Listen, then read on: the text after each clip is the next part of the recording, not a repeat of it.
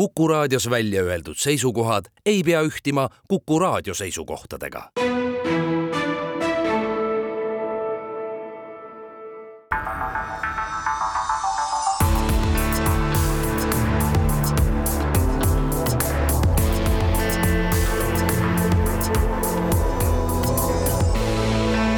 olukorrast ajakirjanduses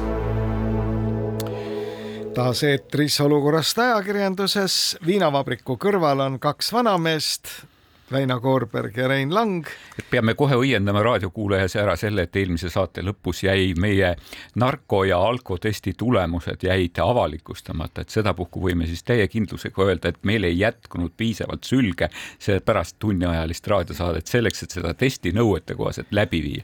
me ei saa ei kiita ei Väinot ega mind Sülje Näärmete hea töö pärast erinevalt Postimehe artiklist, kus kirjeldati põhjalikult Riigikogu liikmete süljenäärmete tegevust. aga hüva, lähme tänaste teemade juurde.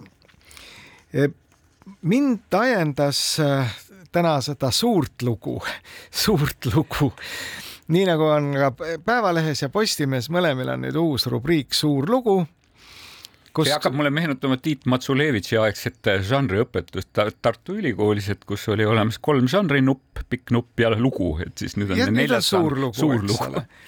ja viimasel ajal on ajakirjanduses olnud neid suuri lugusid äh, ühel väga olulisel teemal ehk siis kas Eestis kehtib selline asi nagu pacta sunt servanda ehk oma kohustused tuleb täita ja oma lubadused tuleb täita ja loomulikult on see kõik ajendatud siis äh, käimasolevast äh, enneolematust tülist Eesti õpetajaskonna ja Vabariigi Valitsuse vahel, kus õpetajaskond täiesti põhjendatult väidab, et lubati ju, lubati nii äh, erakondade poolt eraldi kui lubati valitsuse poolt, aga jagajale jäävad jällegi tühjad pihud.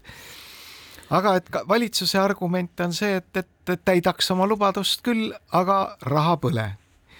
ehk nagu ütles juba klassik, posin ennast üles, raha põle. raha põle, jah. raha põle.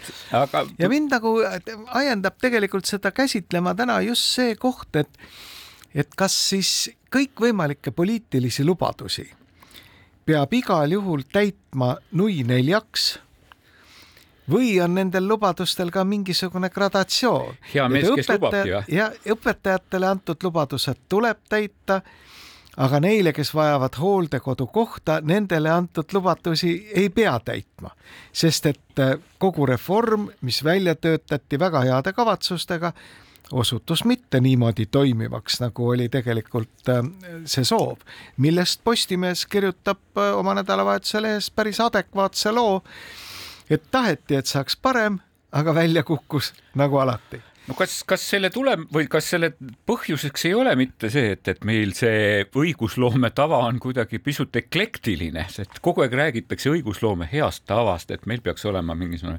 pikemaajalisem vaade ja siis meil peaks olema mingi väljatöötamiskavatsus tavaliselt ja siis me peaksime kaasama kõikvõimalikke asjaga seotud osapooli asjade juurde ja, ja me peaksime tegema mõjuanalüüsi asjade juurde ja, ja, ja, ja üha rohkem minu meelest viimasel ajal ja me ei räägi viimasest kahest aastast ja me ei räägi nagu ka ühest valitsusperioodist, vaid me räägime natukene juba pikemast ajast, et samamoodi avalikkus ütleb, et neid ei kaasata, ajakirjandus ütleb, et mõjuanalüüsi ei tehta, et ei ole nagu pikemat suurt, suurt vaate, vaatepilti selle asja juures, et, et asjaosased, asja osa, asjaomased ja, ja ka eksperdid ütlevad, et, et nende otsuste juures neil ei ole nagu vähimatki kaasarääkimise õigust asjast, et kas me oleme nüüd äkki jõudnud selleni, et kus ühel hetkel tuleb see see, ma ei tea, mis, kas see on keemispunkt või kas see on nagu mitte tagasipöördumispunkt või me olemegi nagu sinna jõudnud, kus need asjad ikkagi otsustamata asjad, lahendamata asjad kuhjuvad ja nad kuhjuvad paratamatult valitsuse laua peale. no et see sind nüüd natukene rahustada, siis, ma pean ütlema, et see kõik see, mis puudutab äh, normitehnikat ja kaasamist ja kõiki neid mõjuanalüüse ja väljatöötamiskavatsusi see ei ole mitte ainult jäänud jutu tasemele, see on mustvalgel ka kirjas nii normitehnika eeskirjas kui ka siis Riigikogu poolt kahe tuhande üheteistkümnendal aastal vastu võetud õigusloome kuidas need on siis, põhisuunad, õigusloome põhisuundades. ühesõnaga kirja on pandud, aga loomulikult nii nagu ka ette näeb hea tava, on seal ka siis see tagaukse klausel, et möödapääsmatutel juhtudel, erakorralistes situatsioonides, no võtame kasvõi see, et on, tekib looduskatastroof või algab sõda siis sa ei saa kõiki neid. või keegi tegeleb obstruktsiooniga näiteks. no või keegi tegeleb obstruktsiooniga, mis muide on ka jah, teatud määral ju noh, sõna otseses mõttes force majeure, eks ole, kui keegi paneb parlamendi seisma, siis on võimalik kõikidest nendest reeglitest kõrvale kalduda ja siis algab see lõputu tõlgendamine, aga mis on siis see erakorraline sündmus ja mis on edasilükkamatu juhtum ja mida iganes veel aga tuleme nüüd korra ikkagi selle õpetajate palkade teema juurde tagasi.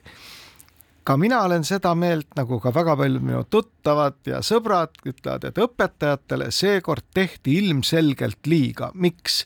mitte sellepärast, et nende palka ei tõsteta, vaid nende ootused kruviti põhjendamatult kõrgeks. ja nüüd, kui valitsus tegelikult on selle lõhkise küna ees et ta peab nüüd äh, selle laevukese kuidagimoodi sellesse vabasse vette juhtima, siis ta on võtnud kätte selle hoiaku, et äh, jah, me ei tõsta kellegi palka ja õpetajate oma tõstame natuke, kuna me ikkagi väga jõuliselt lubasime. aga raha ei, ei ole. aga raha pole. mis nüüd siis saab? ja nüüd loomulikult see parlamendi opositsioon kasutab seda situatsiooni ära kõigi kõikide tema kätes olevate vahenditega. ehk siis äh, minu arvates on ka ajakirjanduses ilmunud eelmisel nädalal nii kirjutisi kui ka raadiosaateid, kus tegemist ei ole enam mitte analüüsiga või, või noh, reportaažiga mida iganes, vaid juba sulaselge ässitamisega. sest mis oleks opositsioonile veel maitsvam, eks ole kui õpetajate tööseisaks, streik, et noh, peaasi, et saaks valitsusest lahti, ükskõik no, missuguste meetoditega. jah, et ma olen sinuga mingis mõttes nõus, et väga keeruline on eh, hoiduda emotsioonidest nii emotsioonidrikka teema juures ja, ja, ja teisipidi, et me oleme ju olukorras, kus nüüd õpetajatele on ju selgelt öeldud, et minge teie automaksu koguma mis on nagu olnud tegelikult valitsuse väga tugev kommunikatsiooniäpardus. Eh, õpetajatele on ka just nagu märku antud selles mõttes, et meil on keeruline olukord, meil on sõjaolukord, kõik peaksid võrdselt panustama aga teie võiksite natuke rohkem panustada, eks. ega see ei ole õige, ei panusta õpetajad teistest rohkem, nad panustavad tegelikult vähem et arvestades sellega, et nemad on ikkagi nagu era, erikohtlemise all no,, kuna no, praegu, nende palgad praegu, tõusevad. praegu meil on ikkagi see olukord, et kus me veel ei tea, kas nad tõusevad või võib-olla nagu jäävad jõulu, jõulu needsamused peod eh, koolides ära. ei, aga Väino ei ole ju. tegelikult tõusevad ka praeguse eelarveprojekti juures õpetajate palgad ainukesena avaliku teenistuse palkadest.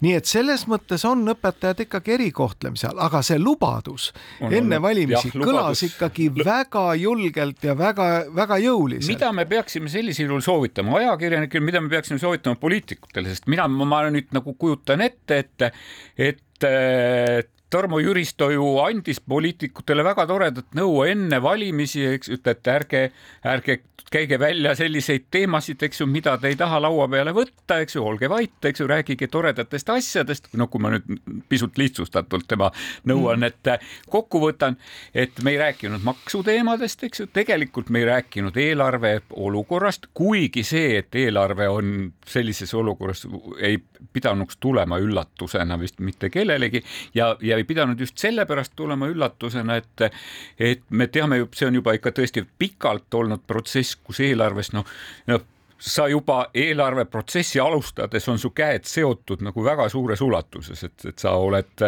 enamik kulutatud raha on need, mida sa pead lihtsalt ära kulutama, sul ei ole enam nagu seal valiku ja kaalumisvõimalust, et sa pead pensione maksma, sa pead neid samu õpetajaid ülal pidama ja nii edasi ja nii edasi, lastetoetusi maksma, eks niimoodi teeme siinkohal väikese pausi ja siis räägime lubadustest edasi.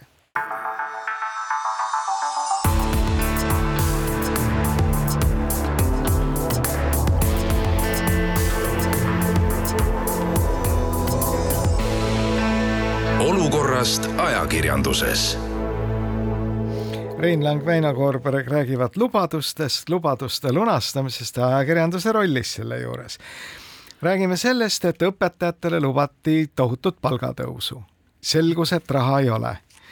opositsioon ütleb, et leidke raha ükskõik kuskohast või muidu tegelikult muidugi või muidu on see esimene, e, esimene optsioon. no see on Ehk muidugi siis... opositsiooni kohus selliseid asju öelda, aga ütleme niimoodi, et õpetajad, ma ei tea, kas see oli nüüd niimoodi, esiteks, kas me räägime tohutust palgatõusust, eks ju niimoodi, Rein, et ma arvan, et Riigikogu liikmed võib-olla seda palgatõusu ei oleks märganudki, kui ei, tegelikult ju mida lubati, oli sada kakskümmend protsenti keskmisest. Ja. ja see on tegelikult ikkagi väga märkimisväärne tõus muide, ühiskond tundus, et eh, on seda meelt, et see on ka õiglane õpetajate palgatase see, see sada kakskümmend protsenti keskmisest no,. me oleme kogu aeg rääkinud, et me oleme kõrge, kõrge ja kvaliteetse haridusega rahvas ja mis sest, et ajakirjandus teinekord meie nagu koolisüsteemi puhul toob ainult muret, häda ja viletsust esile selle juures, et, et on meil ka tõepoolest asju, mille üle rõõmu tunda. aga tuletame nüüd ikkagi natuke meelde neid kõiki neid eh, lubaduste andmiste vaidlusi nende lubaduste andmise vaidluste juures käis ka jutt, väga selge jutt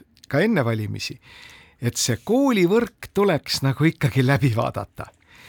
nüüd see lubadus on samamoodi katteta, sest koolivõrgu osas on riigil, mille otsustavate kohtade eest ju võitlusse mindi, otsustusroll väga väike, ainult gümnaasiumite puhul põhikooli pidajad on reeglina omavalitsused ja nende kohalikud valimised on alles järgmine aasta no,. jääme kogu... huviga ootama. Rein, ma olen väga huviga oodanud, sellepärast et minu meelest kõlas meil möödunud nädalal avalikus ruumis ja ajakirjanduses ka see, et, et meil on gümnaasiumi natukene liiga palju, eks ju, ja, ja, ja see siis, kas see oli nüüd see koht, kus käidi välja, et ka riik nagu koolipidajana no seal on, seal on see, ega sada viitekümmet nelja, saja viiekümne nelja gümnaasiumi puhul ei ole ole tegemist ju kõikide riigigümnaasiumitega, vaid seal on just see probleem, et omavalitsused, kes täna peavad gümnaasiume, peavad neid nui neljaks üleval sellepärast et sellega kaasneb imago, sellega kaasnevad töökohad, prestiiž ja nii edasi no,. sellega kaasneb sisuliselt ikkagi ka see, et kas nagu noor maksumaksja tuleb sinu piirkonda või ta ei tule, kui sa kooli pakkuda ei ole seal, kus on elukoht, eks ju, siis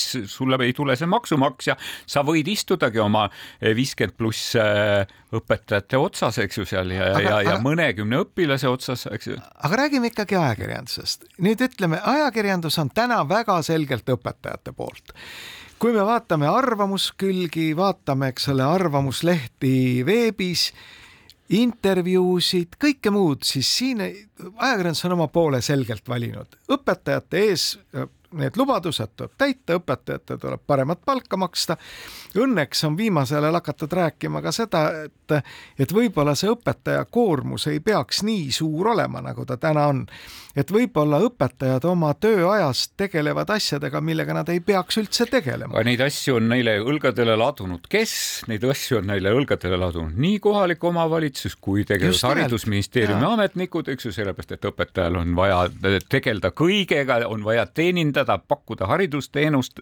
aga nüüd see tonaalsus, eks ole, õpetajatele tuleb maksta rohkem palka, nõus. teine tonaalsus on seda, et et loomulikult, eks ole, kui eelarvest napib vahendeid, siis tuleks läbi vaadata ka haridusministeeriumi eelarve. ja no seda on ajakirjanduses ka kohanud, seda arvamust, et noh, et võib-olla ei ole vaja, eks ole, sellist koolivõrku ilmtingimata üleval pidada, nagu ta on, aga niipea, kui asi läheb konkreetseks, olgu see Metsküla kool, olgu see mõni teine kool nii sellisel juhul ajakirjandus valib jällegi väga selge poole selle kooli olemasolu kaitseks. no ja vaata, väga keeruline. mida siis väga, nüüd ikkagi no, võt, teha? nüüd, et kuidas nagu saaks ajakirjandus, kes ühtlasi ei ole mitte ainult, mitte ainult avaliku arvamuse nagu vahendaja, vaid ka mingisugusel hetkel ka avaliku arvamuse kujundaja, et kuidas siis ajakirjandus saaks seda kahte rolli korraga täita. et kui sa ütled, et, et, et et eh, ajakirjandus on valinud väga selgelt õpetajate poole ja asunud toetama õpetajate praegust hetkel nagu võitlust oma palgaraha nimel, et et ma arvan, et ajakirjandus ei ole selles võitluses üksi, sest see on tegelikult ikkagi Eesti avali, suur osa Eesti avalikkusest ütleb, et head haridust on meil vaja, head haridust saavad meile pakkuda ainult nagu kõrgelt tasustatud spetsialistid. seda on ka Eesti riik öelnud, et, et, et, et, et meil on turuolukord, et me saame tegelikult palgata parimaid ainult siis, kui me pakume neile väärilist palka ja keegi ju ei taha, et meil oleksid luuserid koolis, eks. me teame seda, et meie õpetajaskond vananeb, me teame, et tegelikult väga keeruline on leida olukorda, kus tõepoolest neid ülesandeid sinna õlgadele sulle laotatakse.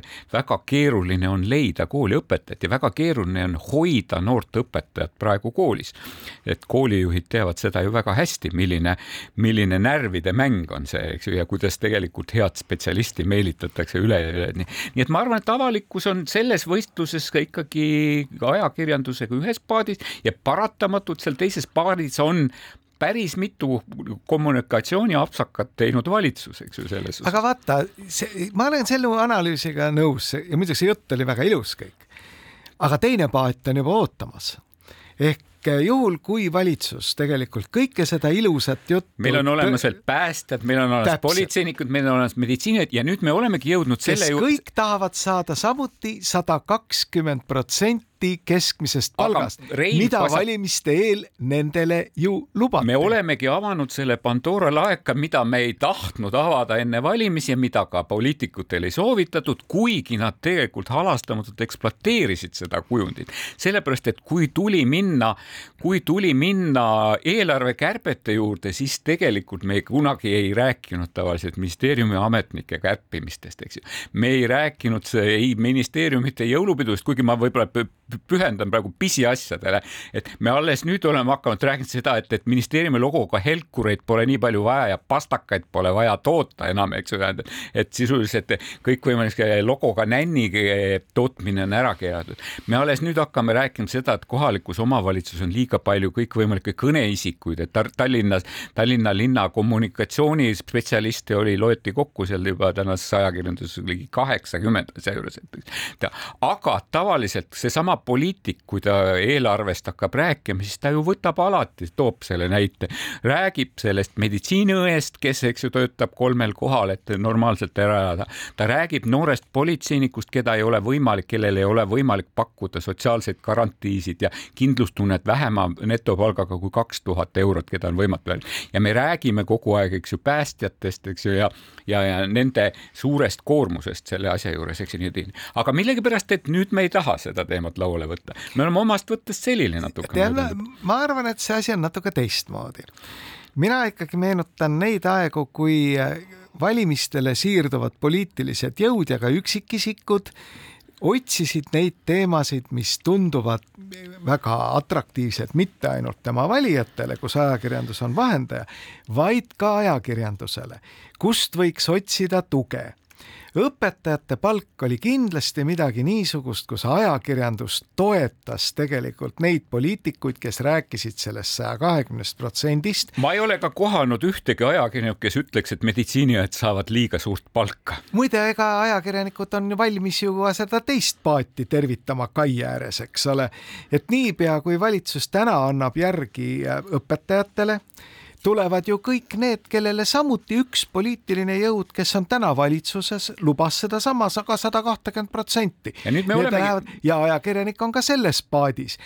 ja noh, selge, et kõigeks selleks raha ei ole nüüd äh, selle valimiseelsel perioodil mina hirmsasti ootasin, et tegelikult kõigi nende lubaduste peale nüüd see moderaator ehk ajakirjanik, kes siis on seal vahepeal, valija ja poliitiku vahepeal võiks olla nii palju ette valmistatud, et ta teab, et selleks raha ei ole ja esitab siis niisuguseid rumalaid küsimusi, eks ole, lubajale, et huvitav, kust te kavatsete selleks nagu raha võtta või kellelt te kavatsete selle raha ära võtta. teine variant on ju ka see, et tõesti ühiskond seab mingid prioriteedid, ütlevad, et näiteks ettevõtlustoetused kõik eranditult lõpetatakse ära, ei mingit EAS-i, saadame kogu putka laiali. lühendame emapalka või lühendame emapalka, nüüd on sellest tulnud ju tohutu skandaal, kui ainult keegi ütleb, et me ei välista tegelikult kärpes ka neid olemasolevaid toetusi, eks ole. tähendab, igal juhul on Eesti ühiskond täna nagu selle kümneaastase, mis kümne, kahekümne aastase tegevuse tulemusena, kus kogu aeg on talle sisestatud, et õhtul tõmbab valitsus teile teki peale ja hommikul toob kohvi voodisse, siis need ootused on enneolematult kõrgel tähendab õpetajatele sada kakskümmend protsenti keskmisest, loomulikult politseinikele loomulikult, päästjatele, no veidikene rohkemgi, eks ole, sõjaväelastele, aga loomulikult. nüüd tuleb Riina Sikkut ja ütleb, et kuulge, et aga meil on haigekassas sajad miljonid puudu, et lühendada ravijärjekord, teab veel mida ja siis tuleb keegi, kes ütleb, et aga teate, et aga selleks raha ei ole või ainuke võimalus on, et tõstame makse, siis on ajakirjandus hüppab nüüd enam mitte paati, vaid kaatrile. ei see on lubamatu, niisugust asja ei Rein, saa olla. jälle, jälle mulle tundub, et sa näitad näpuga ainult ajakirjanduse peale. ei näita ainult. väga sageli, ma arvan, et ka seesama valija, ka Reformierakonna et, valija, eks ju. oot-oot, ma ütlesin, et hüppab paati, mitte et ta on ise teinud paadi. hüppab kaatrile, et, et täpselt samamoodi, et terve ühiskond hüppab, eks ju, sellest kaatrile. nüüd on nagu see, et kas me saame tulla rahulikult tagasi selle diskussiooni juurde, et, et, et millised on need prioriteedid, millega me peaksime tegelema, millised on need valdkonnad, mida me peaksime eh, toetama millised on need toetused, millised on hädavajalikud ja millised on need, mis on headel aegadel tekkinud, mida võib siis nagu, ma ei tea, kas kärpida või ära võtta. kas meil üldse on võimalik tulla sellise, sellise diskussiooni juurde tagasi? no mina teeks natuke teistpidi, et ma tegelikult kõigepealt arvutaks kokku, kui palju meil ikkagi üldse kui palju raha vaja on, eks ei, vastupidi, ma ütleks, palju meil raha on et kui me võtame tänased maksud, eks ole, mida ühiskond maksab, vaatame, palju sealt kokku tuleb, eks ole, ilma makse tõstmata, mida me selle eest saame endale lubada? Ja seda tuleks ka kommunikeerida oma rahvale ausalt ja selgelt kui nüüd valijaskond arvab, et see avalik teenus peaks olema laialdasem ja suurem, siis järelikult on ka see mandaat antud tegelikult rohkem kokku korjata ehk siis makse tõsta, eks ole. praegusel hetkel mulle tundub, et kuna maksuteema valimistel laual ei olnud, siis tegelikult mandaati ei ole, kuigi on hädavajadus ja paratamatus. aga Veino, tegelikult ei vasta see ju tõele, et ei olnud, oli küll enne valimisi oli maksuteema tugevalt laual, sotsid, vaatamata sellele, et EKRE ütles, et maksud ei ole teema, millega Reformierakond kohe kaasa jooksis, selle teesiga, et maksud ei ole teema, sotsid kogu aeg ainult muud ei teinudki, kui korrutasid, et nemad ei näe muud teed meie avalike teenuste parandamiseks kui maksukoormuse tõstmine. nii et rohkem oleme sotside suhtes ausad. rohkem riiki ja paksem riik. rohkem riiki, rohkem makse. millal, millal siis Reformierakond naaseb oma põhiväärtuste juurde, et vähem riiki, õhukene riik, eks ju, tähendab ettevõtjatel õigus ise otsustada. mina tahaks näha, kas Eestis üldse tekibki sellist parteid, kes julgeb selles olukorras välja öelda. ja mina ta-, mina tahaks näha, et kas meil nagu järgmiste valimiste eel eh, tekib erakond, kes julgeb välja tulla nagu platvormiga, mille nimi on, et, et, luban teile, et ma ei luba mitte midagi. no äh, prantsuse keeles eks null punkti, hääli ei tule, eks ole, sellepärast et ühiskonna ootused on lihtsalt nii kõrgeks kruvitud ja ma arvan, et siiski siin lihtsalt näidata näpuga nüüd äh, poliitikute suunas et vot nemad on nüüd nagu peasüüdlased selles, et tegelikult need antakse välja katteta lubadusi ja nii edasi, siis see on nüüd nagu see koht, kus Eesti ajakirjandus peab kindlasti peeglisse vaatama. see katteta lubaduste jagamine, õigemini selle toetamine on ka meid sellesse olukorda toonud, kus ta praegu on. järelikult süüdistame maksumaksjaid, et nad liiga vähe makse maksavad. aga väga õige, tegelikult kui maksumaksja soovib kõike, noh, markantne on ju praegu see diskussioon, eks ole, et Tallinna linnas peab olema valmidus kahekümne nelja tunni jooksul ära koristada ja välja vedada kogu lumi, mis taevast alla sajab. aga maamaksu ei maksa. aga teeme siinkohal väikese pausi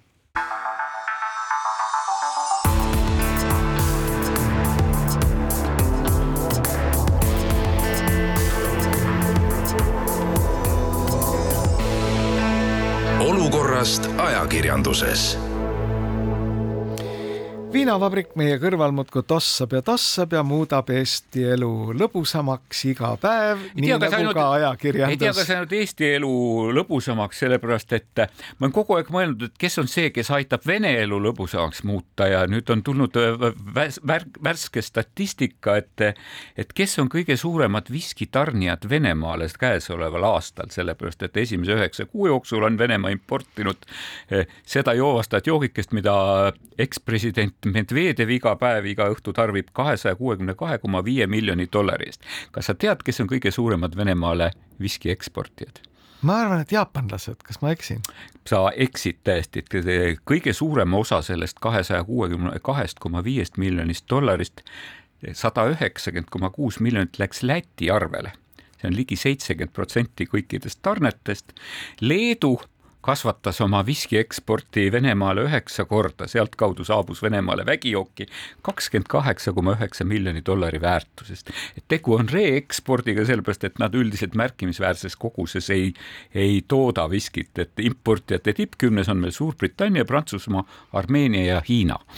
ei saa me läbi Lätita aga räägime niisugusest asjast nagu avaliku teabe seadus et see on, me olemegi vist oma kuulajatele. kas selle, me tohime, kas me tohime sellest rääkida üldse, need on küsimused pärast seda, kui justiitsministeerium korraldas infokorje, et, et milliseid ettepanekuid võiks teha avaliku teabe seaduse järjekordsele parandamisele, korralikule ümbervaatusele, siis äh, võid kolm korda arvata, mis tüüpi ettepanekuid saabus sinu palju poolt kiidetud ABS-ist. no siin ei ole mul midagi vaja arvata, ma olen seda nii palju ise läbi elanud ja ma tean täpselt, et kui niisugune infokorje teha, siis tuleb erinevatelt riigiasutustelt nagu Vändrast saelaudu ettepanekuid oluliselt laiendada neid aluseid, millega kehtestada teabele juurdepääsu piiranguid. siin ei ole mitte midagi üllatavat. ma olen kogu aeg mõelnud, kas avaliku teabe seadus, noh, mida tõepoolest kiideti, kui see vastu võeti, see oli üks nagu eesrindlikumaid seadusi, mis tegelikult deklareeris sedasama, mis on meie põhiseaduseski kirjas, et igaühel on õigus vabalt saada üldiseks kasutamiseks levitatavat informatsiooni ja kõik riigiasutused, sealhulgas ka omavalitsused ja ametiisikud on kohustatud seda infot seadus sätestatud korral andma ja oma, oma soovi isik ei pea kuidagi põhjendama, et, et sisuliselt oli see siis raiutud seaduse kujus ja nüüd tundub, et seda seadust on juba nikerdatud ja parandatud üle neljakümne korra ja, ja tulemuseks on nagu mingisugune munaseta olend, mulle tundub. ütleme, et neid kõikvõimalikke ettepanekuid, et et mõned neist põhjendatud, valdav osa mitte põhjendatud, et äh, luua uusi aluseid või, või siis parandada neid aluseid, millega ju, teabele juurdepääsu siis äh, kehtestada. Neid on viimase viieteistkümne, kahekümne aasta jooksul tulnud tõesti hästi palju.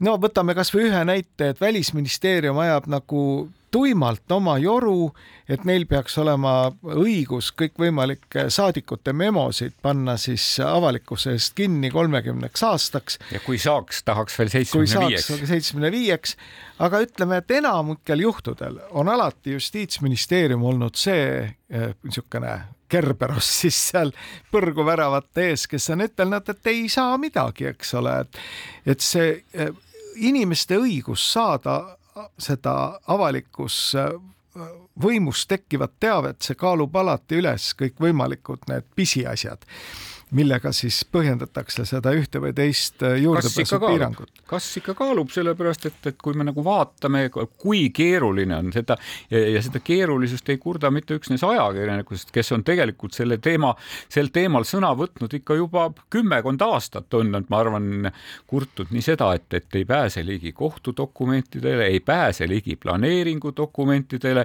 hoidku taevas, kui sa tahaksid ligi pääseda veel tsiviilvaidlusega puudutavatele asjadele absoluutselt ei ole võimalik. et kuidas inimene saab siis üldse nagu, kuidas see rahvas saab oma võimu, kõrgema võimu kandja, kuidas ta saab oma võimu teostada, kui teda sinna võimu lähedalegi lasta? no vaata, sa tood äh, hulgaliselt, võid tuua näiteid sellest, kuidas mingi jupijumal järjekordselt on löönud selle templi selle dokumendi nurga peale asutusesiseseks kasutamiseks mõeldud. nüüd, äh, kui äh, see teabenõudja pöördub selle vastava ametkonna poole, milleks on meil siis äh, äh, teatud inspektsioon ja ütleb, et vot see jupijumal on seal kehtestanud mingile teabele juurdepääsupiirangu, siis need probleemid reeglina hästi ruttu lahenevad. et ega neid konkreetseid ametnikke, kes A ei tunne seda seadust või ei taha seda tunda, on meil ikka ja minu kurvastuseks ma pean nentima, et neid ametnikke tuleb järjest juurde järelikult oma õiguste kaitseks pead sa saama kaitset kuskilt mõnest muust riigiasutusest või ka kohtust. ega lõppkokkuvõttes ajakirjandus on pöördunud ju paljudel juhtudel kohtusse ja kohus ongi ajakirjandusele andnud õiguse ja kohustanud mingid dokumendid välja. no ajakirjandusel on, ütleme veel nüüd rõhuda, saab rõhuda oma nagu missioonile ja ajakirjandusel on taga terve organisatsioon, kuidas seda saab teha tavakodanik. ja, ja, ja minu meelest just, et kui, kui me nüüd nagu nägime, sest aja, avakirja, ajakirjandus tegelikult avaldas nagu terve väljavõtte neid no erinevate ametnike soovmõtlemist selle avaliku teabe seaduse juures, et, et siis ma ei saaks seda küll nagu kogumis vaadeldes ei saaks seda nagu üksiku jupijumala mingisuguseks eh, kapriisiks nimetada no., vaid sealt tegelikult tuli välja terve mõtteviis, mis minu meelest nagu päädis kõige kõrgemalt seda, et pole dokumenti, pole probleemi, et juhul, kui see nagu see, ütleme, see salastamise alus peaks ära kaduma, et kui enne seda see dokument ära kaotada, ära hävitada, eks ju, siis ükski koer ei haugu. mis oli, mis minu meelest nagu ma ootaks praegu parlamendikomisjoni juurdlust selle juba puhtalt selle ettepaneku osas. ega see olekski õige ega lõppkokkuvõttes ju täitevvõimu üle peaks teostama järelevalvet parlamentaarses riigis parlament ehk Riigikogu, antud juhul põhiseaduskomisjon peaks tegema avaliku istungi, nüüd tõesti, seekord avaliku, vähemalt üks kord, kutsuma sinna siis vastavad ametnikud kohale ja analüüsima seda tekkinud situatsiooni. ega me oleme sinuga siin korduvalt rääkinud, et Eesti trend siin headel aegadel, kui raha oli hästi palju, siis loodi lademetes uusi avaliku sektori töökohti. meie, mina olen nimetanud seda ABS-iks ehk administratiivbürokraatlikuks süsteemiks administratiivbürokraatliku süsteemika ABS-i arenguloogika üks nurgakivi on, et maksimaalselt üritada vältida oma tegevuse avalikustamist. mida rohkem on informatsiooni kinni, seda lihtsam on ABS-il elada nüüd see on valitsus ja parlament, kes peab ABS-i kantseldama sellisel juhul. nüüd selles situatsioonis, et parlament lülitab ennast vabatahtlikult ise mängust välja, eks ole, istudes külmas lossis, mängides lolli, selle asemel, et ka nende asjadega tegelikult hommikust õhtuni tegeleda, siis loomulikult ABS saabki esitada nüüd justiitsministeeriumile oma arvates väga põhjendatud ettepanekuid, kuidasmoodi järjekordselt üks või teine informatsioon kinni panna mõned ettepanekud muidugi võeti tagasi pärast seda, kui need olid avalikuks saanud. no ma loodan, et Justiitsministeerium, kui seal on veel natukenegi, eks ole, seda kahe tuhandenda aasta vaimu säilinud, lükkab äh, üheksakümmend protsenti nendest ettepanekutest lihtsalt tagasi põhjendusega, et ei pea võimalikuks arvestada. ilmselt see ka nii läheb ja ma mäletan, et neid analoogseid äh, ettepanekuid on tulnud kogu aeg, ega see ei ole mingisugune nagu tänase päeva probleem aga mis on nagu oluline, et see seadus iseenesest vajab tõepoolest kohendamist. Mina arvan, et seda tuleks kohendada selles suunas, et neid aluseid, millega eh, põhjendada seda asutusesiseseks kasutamiseks tunnistatud infot, tuleks vähendada tuleks tegelikult äh, lähtuda ka tänasest päevast, et ettevõte või, või asutus ei pea ilmtingimata dokumendiregistrit pidama, vaid peab pidama otsingumootorit, mille kaudu tegelikult kõik dokumenteeritud teave kätte saadakse. meil on, meil on, ava, meil on, meil on avaandmete aeg, eks ju, kus tegelikult seesama informatsioon aitaks teinekord ka nagu kasvõi majandust kasvatada. ja mina väidangi seda et tegelikult, et kui kõik see trend pöörata täna teisipidi ehk siis ka ava avaliku võimu käsutuses olev informatsioon muuta rohkem kättesaadavaks, samas kaitstes muidugi isikuandmeid, siis meie majandus võiks saada ka mingisugust uut Äh, hingamist. kas me saaksime alustada riigieelarvest sellisel juhul, eks ju, sest et, et mulle tundub, et riigieelarve on nagu ere näide, mida tegelikult iga Riigikogu äh, liige võiks oma töölaual näha, et kuidas informatsiooni tema eest tegelikult ära on võimalik peita ja selleks ei peagi palju vaeva nägema, selleks ei pea dokumente põletama. absoluutselt ja noh, ütleme eelarve, siin on palju teisigi asju veel. nii et mina sooviksin nagu justiitsministeeriumile tegelikult väga palju jõudu selles tegevuses, aga see ei saa olla nüüd niimoodi, et me võtame ainult ainult selle avaliku teabe seaduse. minu meelest tuleks ikka lahti kiskuda kõik see teavet puudutav äh, seadusandlus ja mõelda tõsiselt, kuidasmoodi me saaksime siis kaasaegses ilusas keeles monetariseerida need andmebaasid, mis on, mida on peetud kakskümmend aastat ja mis sisaldavad endas tohutut hulka väga kasulikku informatsiooni. nüüd, kui neid andmebaase ristkasutada kuidagimoodi, siis sealt võib tulla väga palju lisaväärtust. nüüd, mida ma väga sügavalt kahtlen, et millest asja saab, on see personaalse riigi ideoloogia et mis see ikkagi täpselt on? no ma arvan, et see on midagi, nagu suurepärane. midagi on nagu lubatud. see on midagi sellist andmebaasid nagu Facebook peab sinu kohta, kus on kirjas kõik sinu klikid, kõik sinu like'id, kõik sinu kommentaarid, eks ju, ja millest pannakse kokku väga asjalik profiil sinu kohta, mille abil saab sind äh, kategoriseerida, saab sind mõjutada ja nii edasi ja nii edasi. no vot, sa tegelikult ütledki selle hirmu ära, eks ole, et kui me seda personaalset riiki käsitleme nüüd sellisena, et me korjame üksikisiku kohta erinevatest andmebaasidest mingi koondi kokku, teeme isikust profiili ja siis kukume teda õnnelikuks tegema, siis ma väidan, et see kukub läbi. Kui aga tegelikult äh, nagu tõesti muuta kättesaadavaks nii, et iga loll oskab kasutada mingisuguseid andmebaase selleks, et oma ärile alus panna või mõelda välja mingi innovatiivne teenus või, või toode, vot see on see koht, kus tegelikult äh, on Eestis kasutamata reserve aga no see nüüd eeldab natukene teistsugust suhtumist tõesti selle, nende erakondade poolt, et me ei ole, erakonnad ei ole mitte suunatud selleks, et ühte või teist huvirühma õnnelikuks teha, et nad peaksid ikkagi suutma seda tervikpilti kuidagimoodi vaadata. aga teeme siinkohal väikese pausi ja siis räägime sellest, kes meie tervikpildi õnnelikuks teeb, see on äh, int, uus tehisintellekt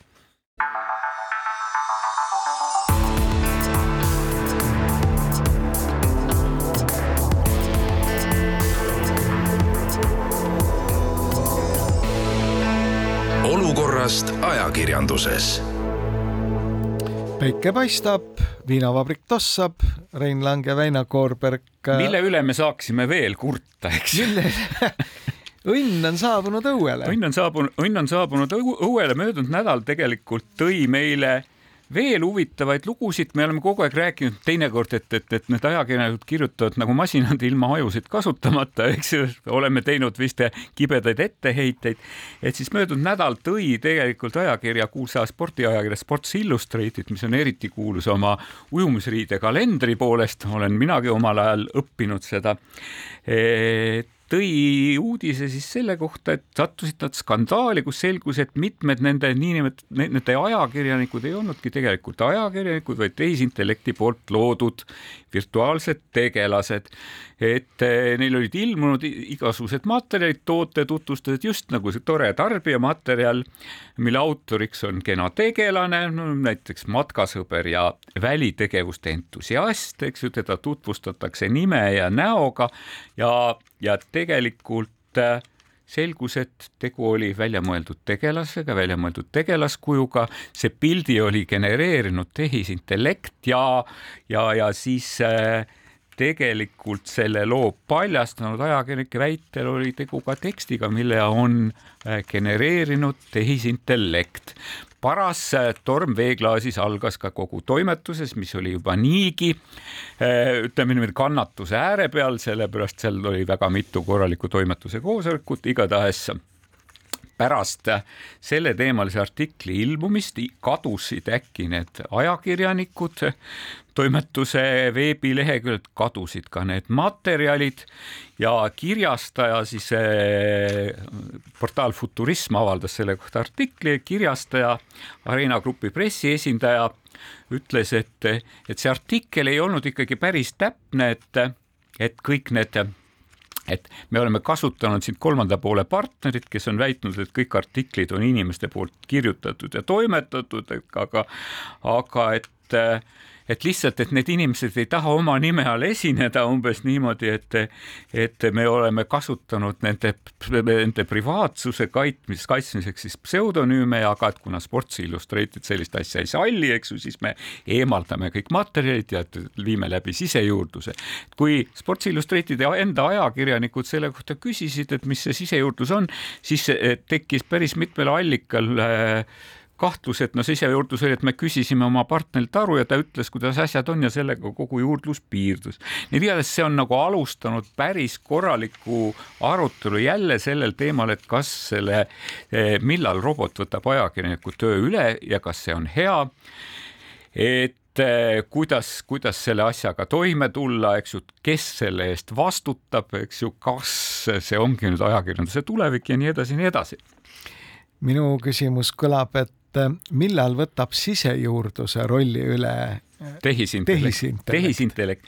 jah, et, et siin on väga erinevad, sest et tegelikult on sedasama tehisaru või kratte on kasutatud äh, ajakirjanduses ikka päris hulk aega, et minu meelest Associated Press on juba kahe tuhande neljateistkümnendast aastast kirjutanud äh, tavalist lugusid äh, lugusid ettevõtete finantstulemustest niimoodi ja ka osasid spordiuudiseid kaks tuhat neliteist, see on peaaegu kümme aastat tagasi, eks. ja, ja nad ei ole seda, nad toona seda nagu e-, e-, esitati kui väga niisugust tugevat innovatsiooni. Eestis vist on samamoodi kasutanud seda tehisaru ka Äripäev just täpselt samamoodi, kui ettevõtete majandustulemused tulevad, et siis keegi käib äriregistris läbi ja, ja standardseid välju selles samas majandusaasta aruandes niimoodi monitoorides paneb kokku mingisugust teksti, et firma kasum oli niisugune, käive oli niisugune, käive suurenes võrdles eelmise aastaga ja, ja sellel, sellel aastal töötas ettevõttes nii ja nii mitu inimest, niisugune kiiresti odavalt loodud sisu. Tuletame meelde, et rida tõeliselt edukaid äh, tehnoloogiaettevõtjaid. Umbes aasta tagasi käis välja initsiatiivi, et tehisaru väljatöötamine tuleks seisata, kuniks ei ole rahvusvaheliselt saavutatud äh, mingeid kokkuleppeid selle kohta, mismoodi vältida tehisintellekti kasutamist inimkonna vastaselt? no üks asi on, eks inimkonna vastased, ma, ma siiamaani ikkagi arvan, et suurt, võib-olla suurt analüütilist artiklit, mis, mis sisaldab palju faktilist materjali, võib-olla tehisaru veel ei suuda praegu töö, aga meina... väga klassikalise loo tõepoolest, kümme parimat puhkuseideed, need kõik kümned tüdrukud, poisid nendes toimetustes alamakstud, tegelikult vähem makstud ja ülekoormatud tüdrukud ja poisid toodavad sisu sisu, ma ütleks toodavad sisu, mitte ajakirjandust tõesti, et eks ju, kuidas pesta hambaid, eks ju niimoodi, millised probleemid see on seoses NATO laienemisega ja nii edasi, nii edasi. sellise teksti tootmisega saab, saab seesama tehisaru väga hästi hakkama. aga mina arvan, et need, need, kas neid ei olnud kümme maailmas tähtsat ettevõtjat, kes selle initsiatiiviga lagedale tulid. see oli väga naiivne sellepärast et arvata, et tänases maailmas on tõesti võimalik saavutada mingisuguseid kõikehõlmavaid kokkuleppeid, mida ka täidetakse, noh, on tõesti, kuulub ulmevaldkonda. muide, mitte ainult meie Jaan Tallinn oli ju üks osa sellest pundist see minule ta natukene meenutab seda tänast initsiatiivi, mis toimub Dubais ehk siis COP kakskümmend kolm kus äh, Emiraatide naftašeigi juhtimisel inimesed arutlevad surmtõsiselt, kuidasmoodi vältida mõt, planeedi ülekuumenemist. sa räägid Müncheni lennujaamas niimoodi lumme ja jäässe külmunud äh, eralennukist, eks ju, mis pidi sõitma kliima soojenemise konverentsile. jah, aga vaata, see, ka see on natukene naiivne. aga see, et äh, see tehisintellekt, see areng ka selle viimase aasta jooksul on olnud ikkagi ülimalt muljetavaldav nüüd Eesti ajakirjandusest ma ülearu palju ei ole tabanud äh, seda sisukat analüüsi selle võimalustest ja ka siis võimalikest äh, katastroofi no üht-teist on olnud. välja arvatud no... Kuku raadio, kes alati on eetris enne meid, enne, enne viinavabrikut, on kolm asjalikku tehnoloogi kes täna tegelesid küll natukene üht... automaailmaga. üht-teist aga..., üht-teist on sellest olnud tegelikult ja, ja ka tõepoolest selle ajakirjanduse koha peal, aga, aga ongi küsimus, et kas me peaksime seda vaatama kui lihtsalt äh, ühte kurilast, kes ajakirjanikelt töö käest ära võtab, kas me vaatame seda kui ajakirjaniku käepikendust, sellepärast ta tegelikult aitab ajakirjaniku nii ideede genereerimisel, ta aitab ajakirjanikul näiteks ka mingi asja struktureerimisel, ta võib analüüsida sinu stiili ja teha ettepanekuid, kuidas sa saaksid paremini, mõjusamalt kirjutada. et kas me ühel hetkel kasutame sedasama tehisintellekti, nagu me praegu kasutame Wordi või kasutame Google'i otsingumootorit ja me tegelikult lugejale ei ütle, et selle loo kirjutasin ma Wordi tekstiprotsessoriga, eks ju, tähendab, kasutades Google'i otsingumootorit, eks ju. või me peaksime seda tüüpi tekstide puhul, noh, oleks eetiliselt kohustus lugejale teada anda, et selle loo kirjutamine kirjutasid Väino Koorber, eks ju, ja robot Marni, eks ju, näiteks niimoodi või, või mingi robot Robbie, eks ju, niimoodi kahe peale, et kuidas seda teha ja meil ei ole tegelikult hea, ei reegleid ega selgeid eetikapõhimõtteid ja me veel ei tea. me pisut kardame seda asja niimoodi ja kõik, mis on meile tundmatu, on õudne ja, ja, ja jube aga väike, väikeses Eestis, kus on innovatsioon omal ajal olnud väga soositud ja väga populaarne ühiskonnas.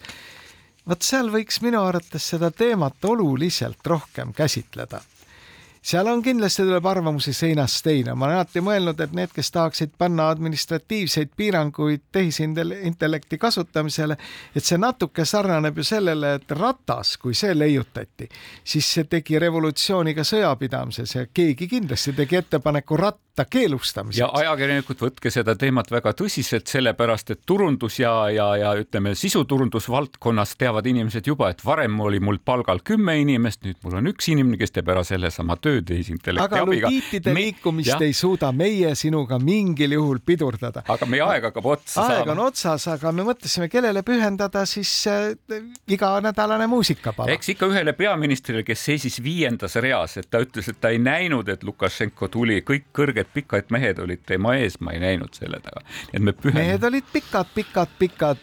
Pardike ja Mooniõis läheb selleks tervituseks. kohtume uuesti järgmisel esmaspäeval. sinnasama ÜRO kliimakonverentsile kes puutuda saab, kui päätas pardile papake hea, et pisike pardike moonik, kes puutuda saab.